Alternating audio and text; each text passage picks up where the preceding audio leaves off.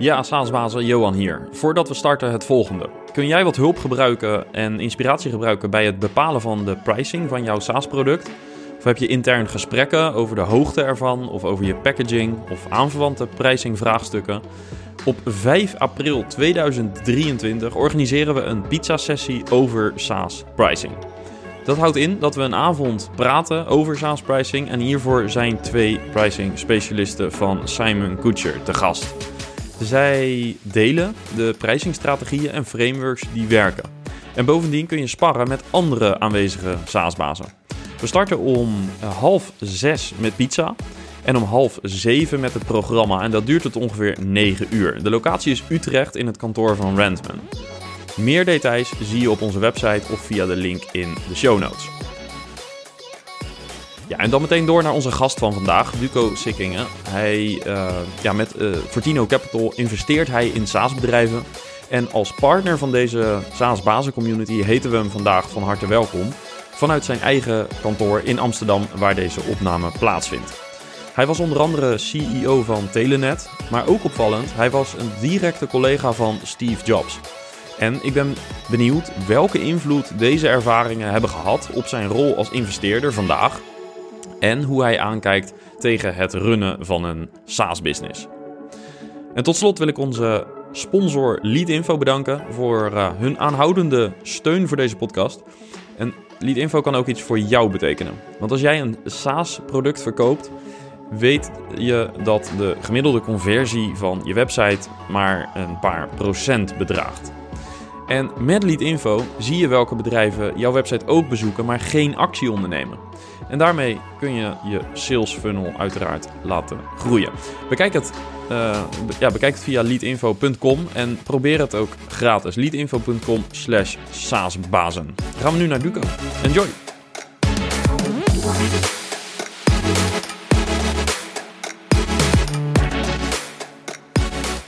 Ja, Duco, van harte welkom in de Saasbazen podcast. Dank, Johan. Fijn uh, dat je je tijd voor wil maken. Nou, ik vind het heel leuk om hier even wat te mogen komen vertellen. Ja, en we zitten bij jullie op uh, prachtig kantoor in, uh, in Amsterdam.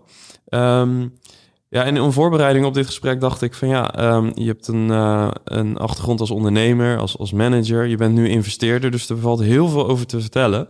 waar zullen we beginnen? Um, maar misschien is het wel leuk om eerst eens te, te kijken naar wat, is, wat is voor jou de reden geweest om te beginnen met, een, met Fortino, met investeren? Ja, en dat was eigenlijk niet om mensen geld te laten beleggen toen ik uh, Telenet uh, heb verlaten, dacht ik, ja, wat ga ik nu doen? Dat had ik eigenlijk al heel veel jaar geleden, moet ik eerlijk gezegd, wel bedacht. En ik dacht, ik moet iets van kapitaal vergaren met stokopties, zodat ik een beetje eigen geld heb, want dan kan je zoiets makkelijker beginnen. En dat heb ik met Renate, mijn CFO van Telenet, hebben we dat samen gedaan. En de reden was eigenlijk heel simpel. Dat ik uh, nou niet alleen maar beroepscommissaris wilde worden. Dat zie je veel met uh, executives die natuurlijk in de volgende fase zitten. Ik wilde ook geen consultant worden, want ik dacht, ja, dat is ook niet mijn ding. Maar ik dacht, als ik nou een investeringsmaatschappij begin, dan mag ik in de keuken meekijken van heel verschillende bedrijven. En misschien kan ik iets van waarde aan toevoegen. En misschien moet ik gewoon ook kijken en niks doen. Dat is ook heel goed. En Daarom zijn we Fortino begonnen. Eigenlijk vanuit die persoonlijke behoefte zou je bijna kunnen zeggen. En in het begin hebben we ook wel wat geld opgehaald. Maar die mensen zeiden na een jaar van ons geld wordt nooit gekold. Ik bedoel, hoe zit het? En er is nog helemaal geen fonds.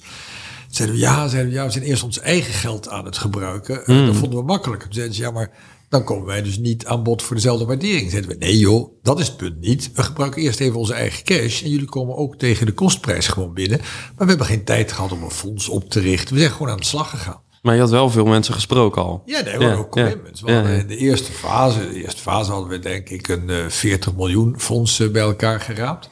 En die mensen keken met grote ogen, want wij hadden eigenlijk geen idee dat wij een soort investment class waren, een soort categorie en dat mensen kunnen kiezen uit producten. Wij zagen onszelf niet als product. We zeiden ook tegen mensen, als je het leuk vindt, kom je meekijken, kom je meedoen. En we hadden ook Telenet-aandeelhouders, omdat we op de beurs stonden, die ook meededen. Zeiden, ja, we hebben veel geld jullie verdiend op de beurs, dus weet je, we give back aan Fortino.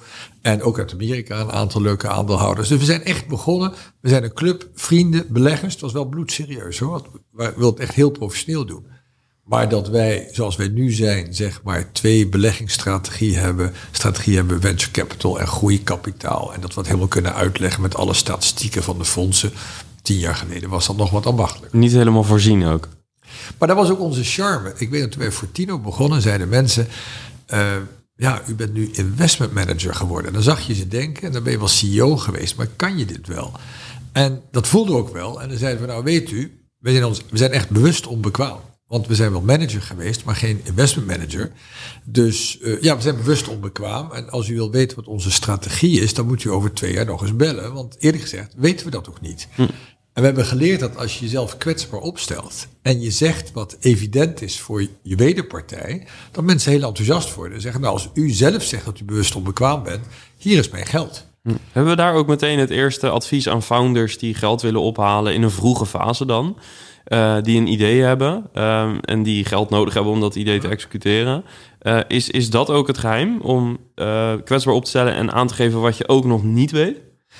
dat is wel al een van mijn levensdeviezen, is jezelf kwetsbaar opstellen.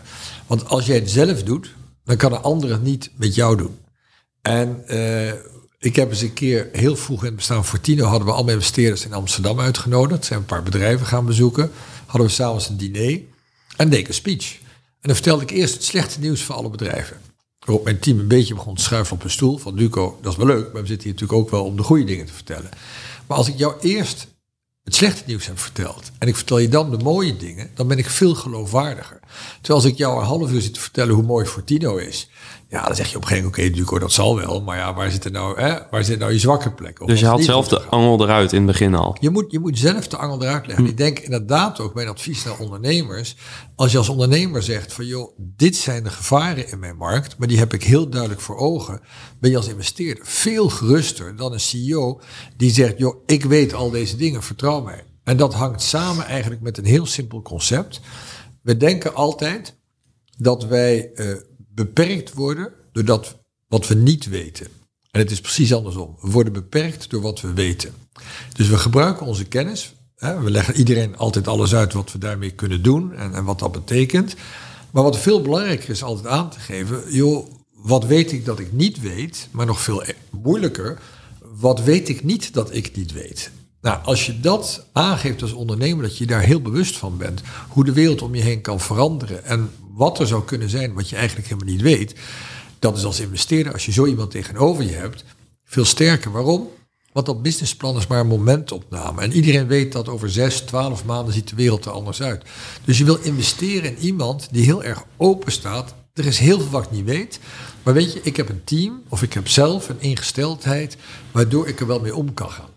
Ja, hoe combineer je dit met opportunisme, wat vaak ook bij founders aanwezig is en ook denk ik belangrijk is om een bepaald geloof te hebben en, en doorzettingsvermogen? Hoe combineer je die twee? Want die nou, lijken ogenschijnlijk een beetje in conflict te zijn. Of? Nee, eh, eigenlijk niet. Want je moet dus ook over je opportunisme gewoon heel expliciet zijn.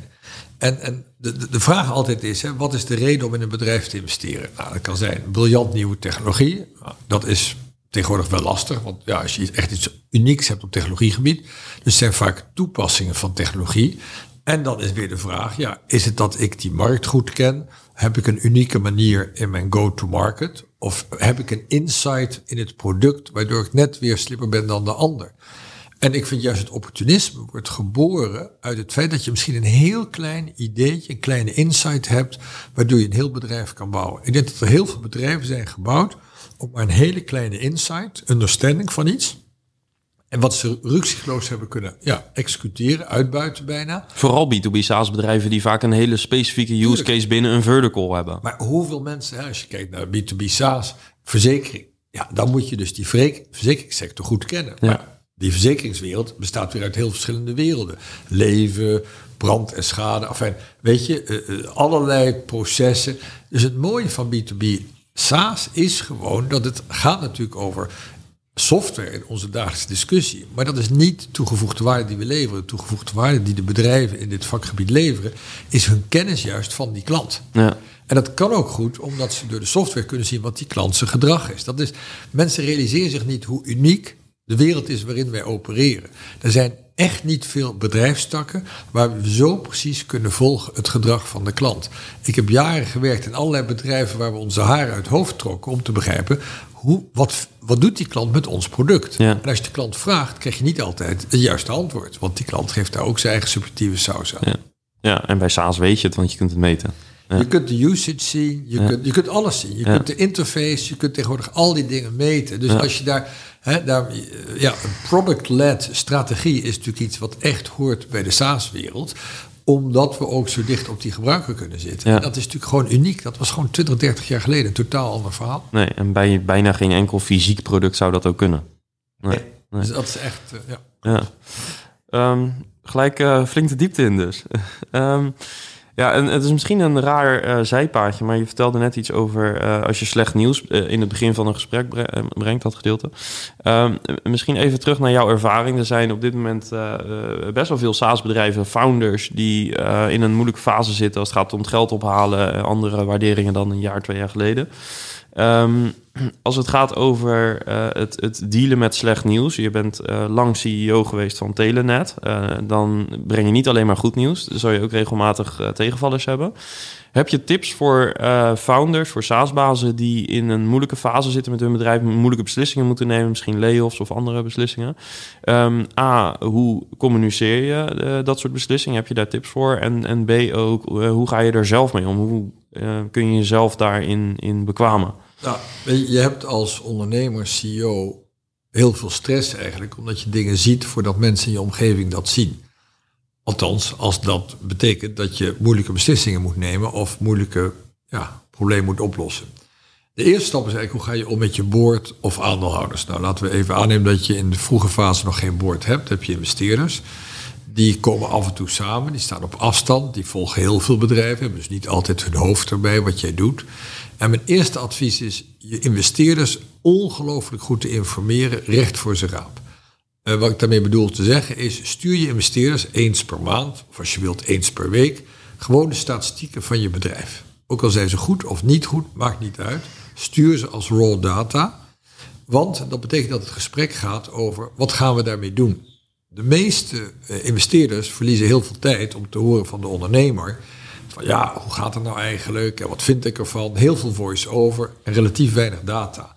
Dus mijn advies is, zorg dat je goede data hebt, mag half A4'tje zijn. Deel dat. En ik had bij Telenet in de crisistijd, hadden wij een zogenaamd CEO-dashboard.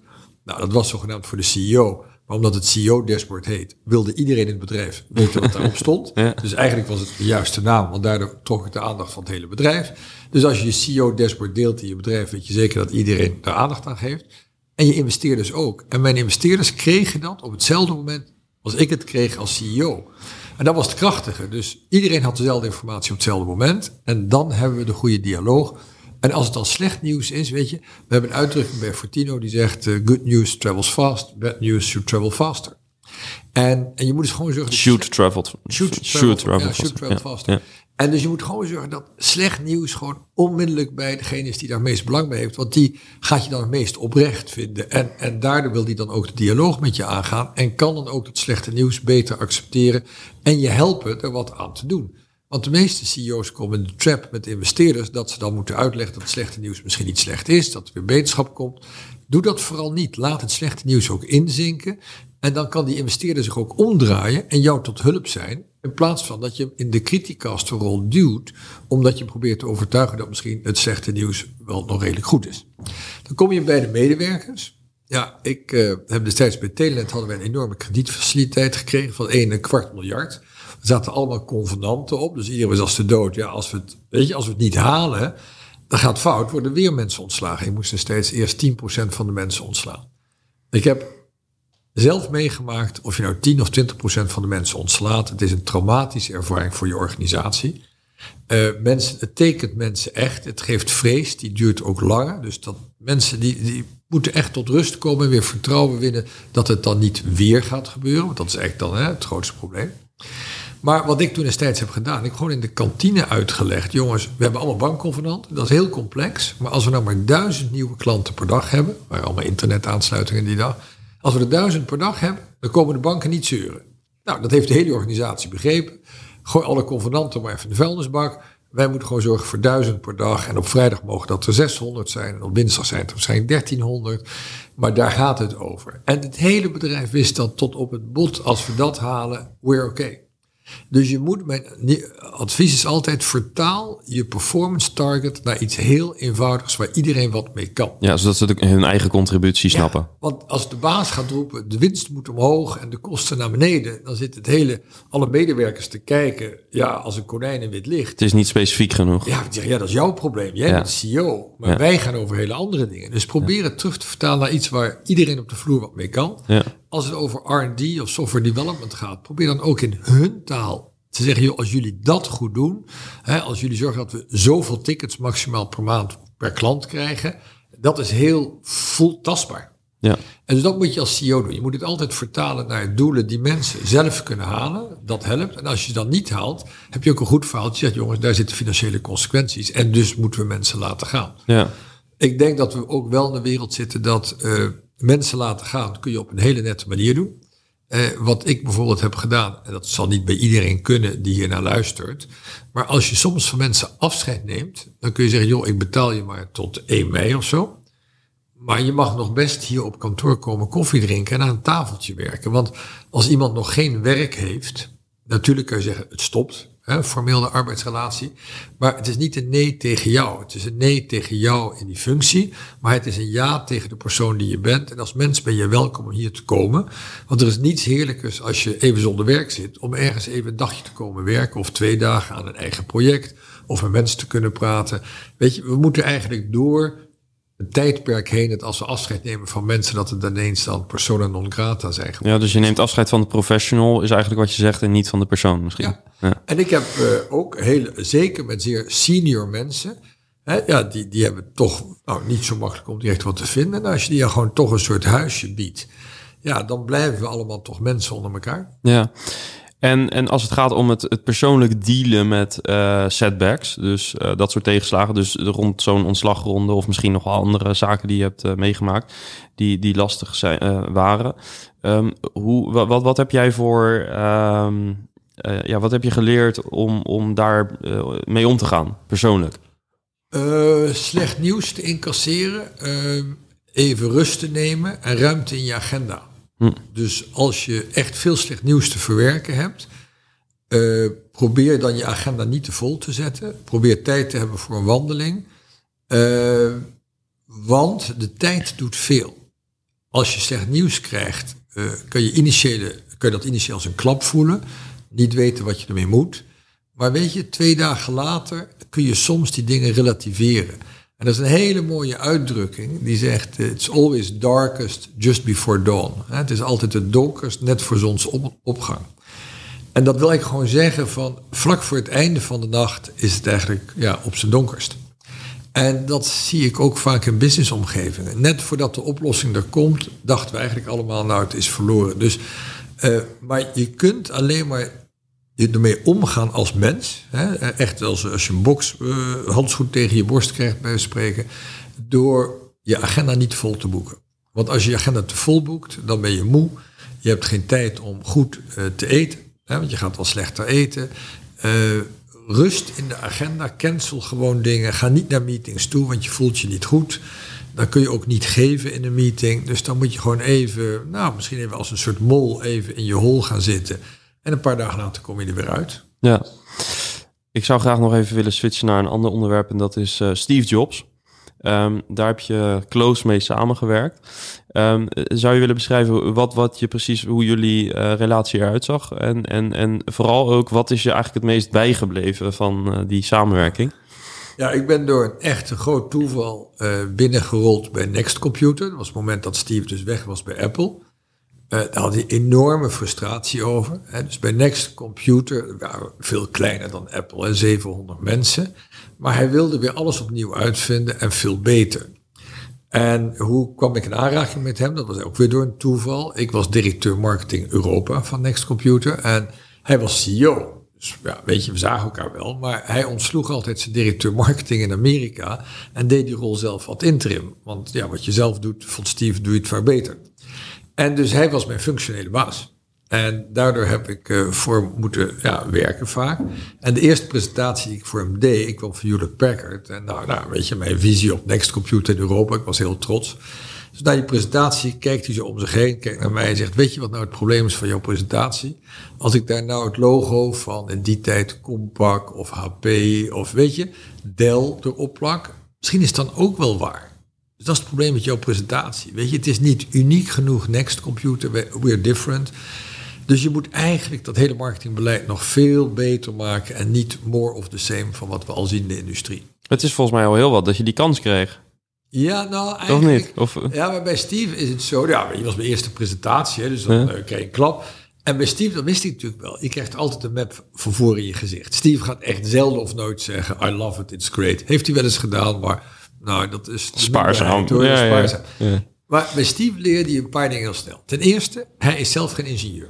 Dus tegenstelling wat iedereen denkt, hè, Steve is de man van technologie. Maar Steve is eigenlijk de man die toptalent om zich heen wist te verzamelen. Ik heb bij Steve top software developers, technologie developers gezien. Nou, en die mensen, weet je, de beste mensen kunnen het altijd heel eenvoudig uitleggen. Dus ik heb heel veel geleerd in die tijd. Ik ben van huis uit jurist, dus ik werk altijd buiten mijn comfortzone. Ik heb nadat ik ben afgestudeerd altijd gewerkt met technologiebedrijven. Dus de vraag is ook een beetje, wat zocht ik daar eigenlijk altijd op? Hè? Buiten je comfortzone, waarom heb je dat nodig, kun je zeggen. Maar ik heb het altijd gehad, ook leuk gevonden, omdat ik dan heel erg bewust ben van wat ik allemaal niet weet.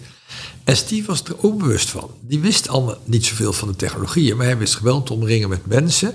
En hij pushte de beste mensen gewoon ja, tegen de muur om het beste eruit te halen. En hij wist ook niet wat hij ging terugkrijgen. Hij had wel af en toe natuurlijk ideeën en visies. En hij kon wel, zeg maar, technologievisies terugvertalen naar chips. Dus hij begreep wat er bij een chip wel ja, conceptueel gebeurde en wat hem dat zou stellen. Nou, Steve was natuurlijk altijd, ja, uh, you want to be different.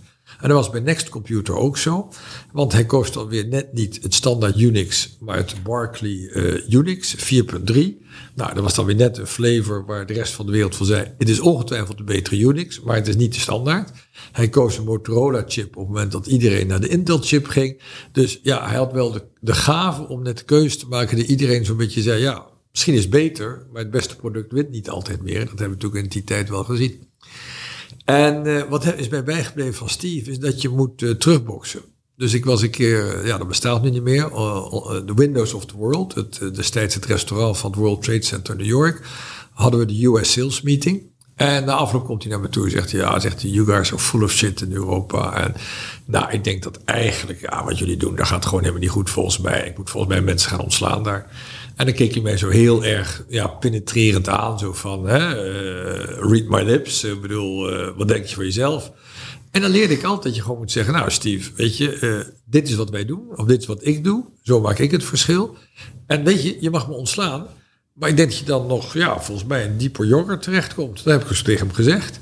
En dat is hoe je juist overleeft bij Steve. Gewoon als je de bulldozer zijn gang niet gaan, ja, dan reed hij over je heen en dan was je kapot. Maar je moest dus gewoon legitiem terugvechten en zeggen, ja, je, je, hebt, je hebt gewoon niet gelijk. En ik zal je uitleggen waarom. Dat is Steve de voeten uit. Mensen die om hem heen zaten en allemaal ja-zeggers waren, nou, die werden vermoord. Dus je moest gewoon terugknokken. En, en wat heb jij daarmee, daarvan meegenomen, bijvoorbeeld in je rol als eh, CEO bij uh, Telenet? Nou, dat Steve wel echt heel fanaat was met klantengedrag. Dus hij, hij, Steve was wel overtuigd dat hij meer wist dan de klant wat goed voor de klant was. Hè? Want hij had natuurlijk ja. een enorme technologievisie, dus geef hem ongelijk. Hij zag wat de wereld niet zag.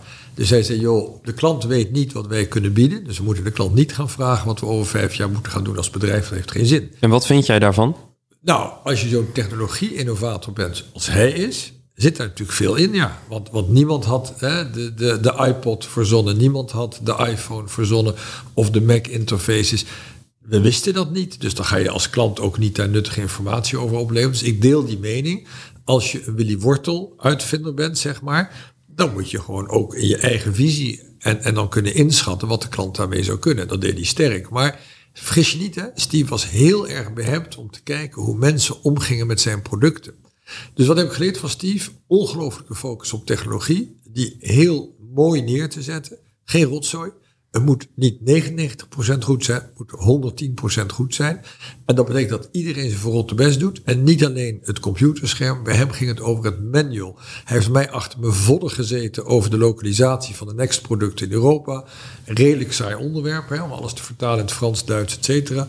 Hij vond dat super belangrijk dat het helemaal goed gebeurde. Hm. Dus de kleine dingen goed doen, 110% kwaliteit, dat is Steve.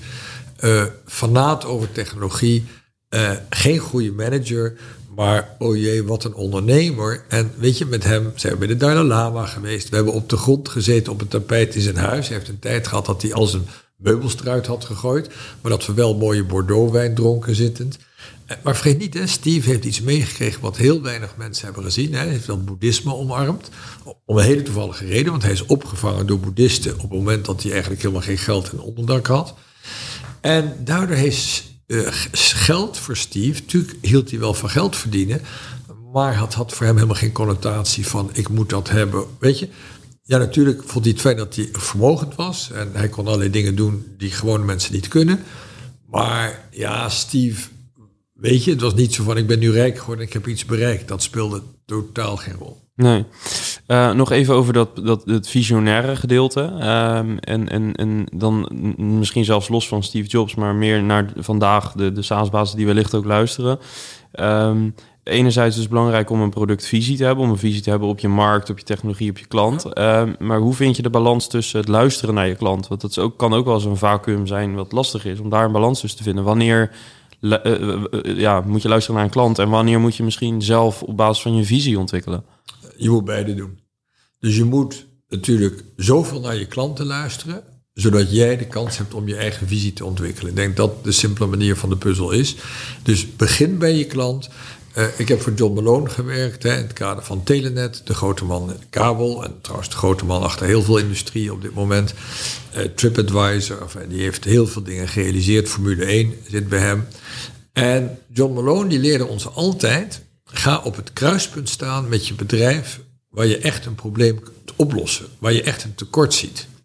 En dat was destijds bij de kabel, breedband. Hè, eh, iets wat de telefoonmaatschappij niet kon, kon kabel wel. Nou, hij begreep dat dat echt iets is, daar kan ik waarde bij dragen. Dat is een kruispunt. Als we dat connecteren, gaat het veel beter. Dat moet je ook doen. Als je in de verzekeringssector zit als SaaS-baas of je zit in een andere sector, wat is echt het probleem dat ik oplos? En soms zien organisaties het zelf niet. Of zien ze het probleem anders? Dus je moet wel wel goed opletten. Je zegt, oké, dit is het probleem wat ik zie. Mijn software lost het op. Maar vergis je niet in dat je het heel goed uitlegt in je go-to-market. Dat mensen het goed percipiëren. En dat je het aan de juiste mensen uitlegt. Ik denk dat uh, heel veel softwarebedrijven nog wel eens iets te laag uh, in de hiërarchie hun product willen neerzetten. Omdat dat de gebruikers zijn. En je kunt natuurlijk een soort user-led adoption nastreven. Maar onderschat niet dat op het hogere niveau moet men echt begrijpen welk probleem je oplost. En dan krijg je volgens mij een hele snelle adoptie. Ja, en, en uh, dus dat betekent ook dat je veel moet onderwijzen. Dus, uh, nee, je moet heel veel laten zien. Volgens mij moet je mensen altijd zeggen: dit is wat wij zien. Hè, data, eigenlijk, eigenlijk naar een scherm kijken. Dus het liefst met z'n tweeën, zoals wij hier zitten, tegenover elkaar. En dan naar het scherm kijken en het scherm iets laten uitleggen. Dat is het mooiste. Want als ik jou iets uitleg, dan, dan hebben we hier zo'n beetje, gaat het over en weer. En als het dan niet goed gaat, dan zijn we aan het bouncen. Dus als we samen kijken naar het scherm, hè, of een derde vertelt wat, dat is ook een veel betere manier. En zeg je, dit zijn de data die we zien. En van die data hebben wij, daarvoor hebben we deze oplossing kunnen bouwen. En dan gebeurt er dat. Ja, dat vinden chief, hè, CXO's, vinden dat natuurlijk wat ze allemaal willen horen. Ja. En natuurlijk willen de gebruikers dat het makkelijk is en dat het leuk is en dat zij er ook mee verder komen. Maar er kunnen applicaties zijn die goed zijn voor de top strategisch, minder interessant voor de gebruikers zijn. Dus de gebruikers zeggen, ja, voor ons is dat niet zo relevant. Oké, we moeten het doen. Dus je moet altijd heel goed ook, vind ik, weten wat betekent het voor de decision maker en wat gebeurt er met mijn gebruiker. En daar zijn we wel eens wat te makkelijk door de bocht. Zeggen, ja, we hebben een probleem opgelost. Hier is de software. Ja, maar in je go-to-market moet je... Ik vind nog steeds een goede salespresentatie is zo belangrijk. Hè? Zo, gewoon een flip over. Deze digitale wereld. Zet je iPad neer en ga door de PowerPoint heen en kijk er samen naar. En, en, wat, en, ja, en wat moet erin staan? Wat, is, wat maakt de perfecte salespresentatie? De perfecte salespitch is, dit is wat we denken dat uw situatie is. Herkent u die? Ja, als je iemand tegenover je hebt die jouw situatie beschrijft, ja, dan zeg je, ja, daar gaat mijn hart van open. En dan, oké, en wat vindt u dan van mijn situatie? U komt van buitenaf, u vindt kennelijk iets. Nou, be my guest. En dan zeg je, nou ja, kijk, en dit is wat wij daar tegenover hebben gesteld. Is dat relevant voor u? Ja, dus heel belangrijk hier in het begin niet bij je product. Nee, want dat, ja, er zijn zoveel producten in de wereld en zoveel software dingen. Ja. ja. Um, als je, als je kijkt naar, eh, dat is een ander onderwerp, maar eh, ook heel benieuwd naar eh, in, in jouw ervaring. Op het moment dat je kijkt naar een SaaS-bedrijf, om, om daar wel of niet in te gaan investeren, dan is een van de belangrijkste dingen, zegt, zegt elke investeerder eigenlijk, kijk vooral ook naar het team. Um, waar, kijk jij in, waar kijk jij naar als het gaat om een, het beoordelen van een founding team? Wat zijn echt de kritische eigenschappen die daarin moeten zitten? De als, hoe kijken wij naar een investering? Is altijd de eerste, hoe groot is de potentiële markt? En als die markt redelijk potentieel heeft, dus of al bestaat hè, en dat je hem kunt penetreren, of dat je zegt dat is een groeiende markt. Nou, in beide gevallen kun je zeggen dat is dan tick the box. Maar hoe, hoe groot is echt de markt waar we gaan willen verkopen en wie zijn de concurrenten? Er zijn heel weinig mensen die nog even de moeite doen om te zeggen wat is de, de structuur van de concurrentie? En ook de structuur van de klanten. Weet je, zijn er tien klanten in de industrie of zijn er duizend? Ik verkoop liever aan een industrie waar er duizend zijn, want dan heb ik gewoon meer kansen en kan ik me ook af en toe een fout voorloven. Terwijl bij tien grote whales is dat allemaal wat moeilijker. Dus wij kijken naar marktgrootte, dynamiek van die markt, uh, hoe is die gestructureerd, zowel wat betreft klanten als concurrenten. Weet je, als je een buurman hebt die met jou concurreert en die heeft heel veel geld, dan zou ik er toch even over nadenken. Want je kunt wel als klein bedrijf snel en goed zijn. Maar de grote jongens, die achterhalen je wel. Want die hebben altijd tijd en die hebben geld. Dus weet je, they may win. Dus daar moet je, vind ik, wel even over nadenken. Dus als je die analyse hebt gemaakt van de markt, waar we ook naar kijken, is het zogenaamde counterparty risk. Weet je wat ik eerder zei? Als je aan sommige industrietakken verkoopt, die zijn ja, minder kredietwaardig dan andere, omdat ze gewoon minder geld verdienen. De farmaceutische industrie heeft goede marges. Dus dat is misschien het zijn wel hele kritische mensen. Ik denk de grote energiereuzen verdienen vandaag heel veel geld. Maar ik weet uit eerste hand dat ze daarom niet makkelijk onderhandelen. Misschien nog wel zelfs moeilijk onderhandelen. Dus je moet wel even heel goed inschatten wie zijn mijn counterparties, hoe maken ze het, kunnen ze me betalen, kunnen ze het veroorloven om mijn product te kopen. Het tweede is dan eigenlijk dat je gewoon, vinden wij belangrijk, technologie. Is er een goede CTO? Is er een goed ontwikkelteam? Want het is after all software. Dus je moet echt even kijken, jongens, is er een goede visie op betreft de architectuur? Hebben ze begrip over legacy? Want dat krijg je allemaal. Als je groter wordt, iedereen heeft met legacy te maken, like or not. En hoe gaan ze innoveren en kiezen ze hun prioriteiten juist? Want bij software is het leuke, je kunt voor alles voor je klant ontwikkelen. Dat is ook het slechte nieuws. Je moet keuzes maken. Dus wie, welk bedrijf maakt in product-led uh, growth, weet de juiste keuzes op het gebied van softwareontwikkeling? Klinkt makkelijk, zijn hele moeilijke afwegingen. Soms zijn de belangrijke dingen voor de klant heel makkelijk te doen en soms zijn ze juist heel moeilijk. Maar gaan we het geld in de interface stoppen? Stoppen we het in de security? Stoppen we het in de database? Er zijn allerlei keuzes te maken. En als we die hebben gehad, dan komen we inderdaad bij het team. Want als je de markt hebt en je hebt een goed product gebouwd, of je hebt een team om dat te doen, dan moet je gewoon de beste mensen vinden voor sales, marketing, finance en nog een paar zijstraten, customer success. Want dan is het executie. En ik denk dus dat de softwarebedrijven die de beste mensen van de straat weten te halen, om welke reden dan ook, of het geld is, je gebouw, omdat je een visionaire CEO bent, allemaal goede argumenten, maar het is executie. En ik geloof heilig dat bedrijven die ongelooflijk goed executeren, dat die gewoon net even wat sneller winnen en betere returns geven. En weet je, dat zie je ook gewoon. Uh, uiteindelijk kun je een, een middelmatig product hebben, omdat je halverwege je ontwikkeling zit en je kunt niet op Rome op één dag bouwen. Dat geldt ook voor je product. Dus je moet de markt, hè, je moet de straat op met een nou ja, product dat niet helemaal af is. Zeker de jongens die van on-premise komen en naar de cloud gaan, die weten dat uit eerste hand hoe ellendig het is dat je on-premise product veel meer features heeft dan je nieuwe cloud product. Dus hoe ga je daarmee om? Ja. Daar moet je hartstikke goede verkopers voor hebben. En, en die kun je overal vinden. Software verkopen, sorry. Er zijn heel veel mensen met commercieel gevoel die perfect software kunnen verkopen. En, en als je dat goed weet te structureren, dan, dan volgens mij kan je winnen. Dus uh, zorg dat je goed bent in, uh, in sales. Um, andere vraag over het schalen. Um, jullie investeren natuurlijk in bedrijven ook die, uh, zeker met jullie uh, VC-tak, investeer je in bedrijven die een bepaald bewijs hebben kunnen leveren van een bepaald product en in een markt. Um, wat zijn de best practices die je hebt geleerd op het gebied van het schalen van een bedrijf? Dus nadat je uh, product market fit hebt, hoe schaal je een bedrijf op? Wat, wat zijn de uh, belangrijkste? Vooral alles heel klein te beginnen en dan pas te kopiëren. Dus uh, dan neemt iets meer tijd. Dus, je kunt, wat zeggen investeerders, dat zeggen wij ook trouwens ook wel eens hoor. Nou, het gaat nu goed met het product, neem vijf of zes verkopers aan. Maar ja, dat is eigenlijk heel gevaarlijk. Want de kans dat jij met succes vijf goede mensen tegelijkertijd aantrekt, dat lukt bij heel weinig kleine organisaties. Dus je moet zeggen, ik ga eerst één verkoper laten winnen. En als ik met die ene verkoper weet hoe het machientje werkt en ik heb daarmee succes, dan heb ik het micro bewezen en dan ga ik dat kopiëren. Dit is bijna als eh, cellen in de farmaceutische industrie. Je moet het eerst één keer doen en daarna kun je het kopiëren. En eh, daar geloof ik heilig in. Want het onboorden van sales reps, nieuwe mensen, neemt tijd, is veel ingewikkelder.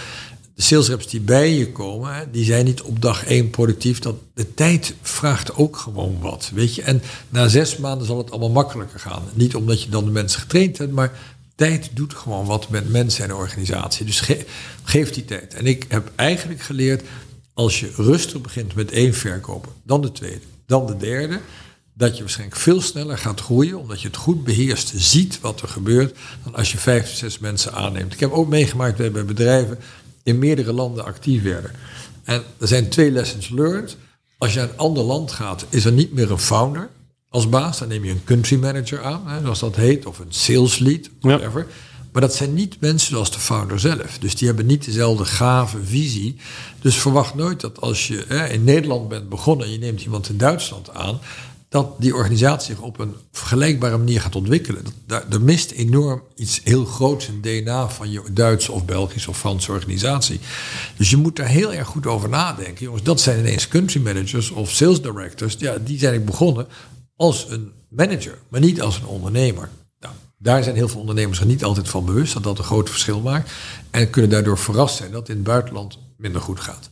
Tweede wat ik ook heb geleerd is, blijf lekker doorgaan in je eigen land. Want we vinden natuurlijk met onze software dat we natuurlijk heel een liquid asset hebben die heel snel in het buitenland ja, verkocht kan worden.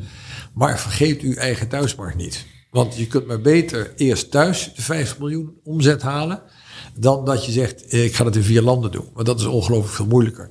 En dan zeggen mensen altijd, ja, maar ja, de markt is misschien gesatureerd in Nederland. Nou, dan moet je echt op dubbelklikken. Want er zijn volgens mij heel veel bedrijven die naar het buitenland gaan en soms een beetje defocuseren. Terwijl een investeerder vindt het belangrijk dat je de 5 miljoen haalt. Die investeerder gelooft zelfs als je 5 miljoen in Nederland haalt, of 3 miljoen, hè, afhankelijk van het niveau waar je bent, eh, dat je, als je die kritische massa hebt, dat je veel makkelijker te exporteren bent. Bedrijven met 1, 1,5 miljoen omzet naar het buitenland, oei oei oei. Dat lijkt me heel lastig. Ja. Ehm, tot slot, Ehm, je spreekt natuurlijk met heel veel eh, founders, eh, dat zei je in het begin al, met veel ondernemers. Ehm, als, als jullie een nieuwe investering doen en je, eh, je, nou laten we zeggen, je gaat het eerste etentje plannen met een van de founders. Wat is dan eigenlijk altijd het eerste wat je met zo iemand bespreekt? De vraag die ik stel is, er zijn een paar vragen die ik stel. Er zijn twee vragen die ik altijd heel belangrijk vind. De eerste vraag is, je cv begint meestal op je 18. Ja, als je iemand naar zijn cv vraagt, ja, nou, middelbare school, dat is het startpunt van de meeste cv's of uh, universiteit wat daarna komt. En dan zeg ik altijd, wat moet ik weten van jouw eerste 18 jaar dat jou gevormd heeft? In goede zin of slechte zin? En je zou eens moeten weten de antwoorden die ik terugkrijg. Bijvoorbeeld, op mijn elfde heb ik mijn vader verloren. Weet je, als je op je elfde je vader verliest en je bent het oudste kind in huis, dan ben je een totaal ander jong mens dan iemand die zeg maar kind nummer drie is en zijn beide ouders heeft en weet je, alles heeft gehad wat hij maar kon dromen. Dat is geen verwijt, maar ineens ga ik heel anders naar die persoon kijken, omdat ik weet dat hij iets heeft meegemaakt. Er zijn ook mensen die heel erg ziek zijn geweest, die dat hebben moeten overwinnen. Dat vertelt mij veel meer over de ondernemer dan dat ik hem over zijn product hoor praten. Ik stel ook wel eens de vraag op een andere manier. Dan zeg ik, weet je, als ik nou een van jou, uh, als ik nou iemand anders tegenkom vanmiddag. En ik moet zeggen dat ik uh, nou, met uh, Jan heb geluncht. Wat moet ik van jou weten om tegen die andere persoon te kunnen zeggen, ik ken Jan heel goed, want. Stippeltje, stippeltje. En dat is leuk, want dan zeg, mag je zelf zeggen, als jij over mij praat met een ander, dan wil ik zeker dat je dit van mij weet. Goed of slecht, hè? Hem ook. Ja. Die twee vragen is altijd mijn eerste lunch of ontbijt of dinervraag. En geloof me, we zijn direct vertrokken voor een uur. En het gaat niet over het bedrijf, het gaat niet over de SaaS-industrie. En dat is juist wat van belang is. Want ik wil de mens leren kennen. Want die mens gaat mij veel meer vertellen over de uitdaging waar hij of zij voor staat. Dus ook over het werk. Ja, want weet je, hoe wij gevormd zijn de eerste 18 jaar van ons leven, heeft een enorm bepalend effect voor de rest van ons leven. En daar moet je oog voor hebben. Hoe is dat in jouw situatie geweest? Uh, in mijn situatie was dat mijn vader was een, uh, nou, redelijk bekende manager in Nederland. Dus ik had al heel snel bedacht van, nou ja, weet je, als ik in Nederland ben, dan ben ik altijd de zoon van mijn vader.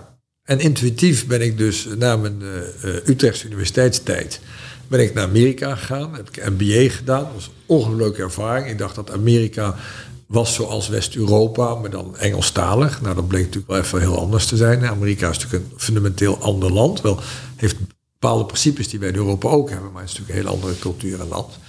Dus ik ben, uh, ja, ik ben wat anders gaan doen, ben naar Amerika gegaan. En toen ben ik eigenlijk de eerste 13 jaar van mijn carrière in het buitenland gaan werken, waar niemand mij kende. Toen ben ik in Nederland teruggekomen, bijvoorbeeld als Kluwer een tijdje gewerkt. En ja, dan kende iedereen me weer. Was ik weer de zoon van mijn vader. Ik was weer terug in Nederland en uh, ja, had je het weer. En hoe was dat voor jou? Om de zoon van je vader te zijn? Je dan natuurlijk, nou, ik, ik heb er eigenlijk niet zo last van gehad. Maar het is meer dat mensen dan projecteren op de dingen die jij nastreeft in je leven. op basis van dingen die je vader heeft gedaan. Dus men zegt, jij zal wel dat willen. Of zo ga jij, weet je. Dat zijn jouw doelen. En dan zeg je, ja, weet je, hoezo? Weet je, ik ben gewoon mijzelf. Maar dat gebeurt gewoon, dat is helemaal niet erg. En toen, door een toeval, kon ik ineens naar België. Nou, toen waren mensen heel erg met mij begaan. Die zeiden, goed, je moet naar België. Gaat met jouw carrière wel heel slecht. Hè? Want ja, wat kan er in België zijn dat de moeite waard is voor een Nederlander?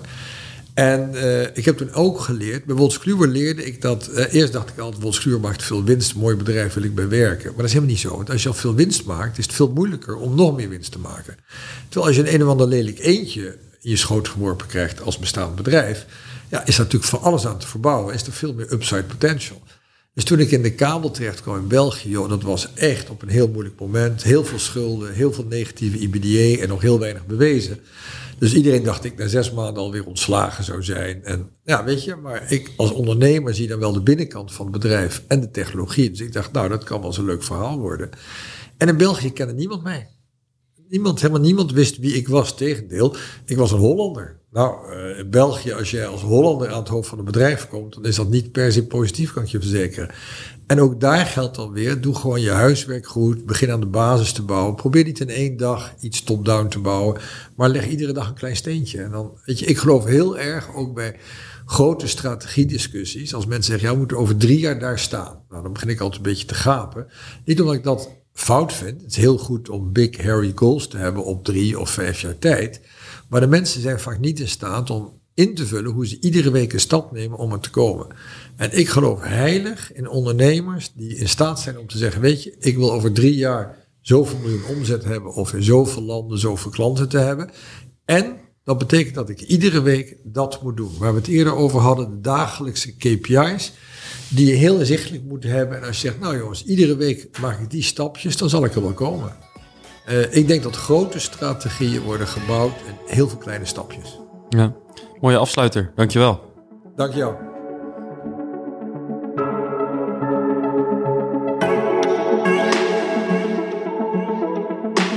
Ja, en tot zover het gesprek van vandaag. Bedankt voor het luisteren weer.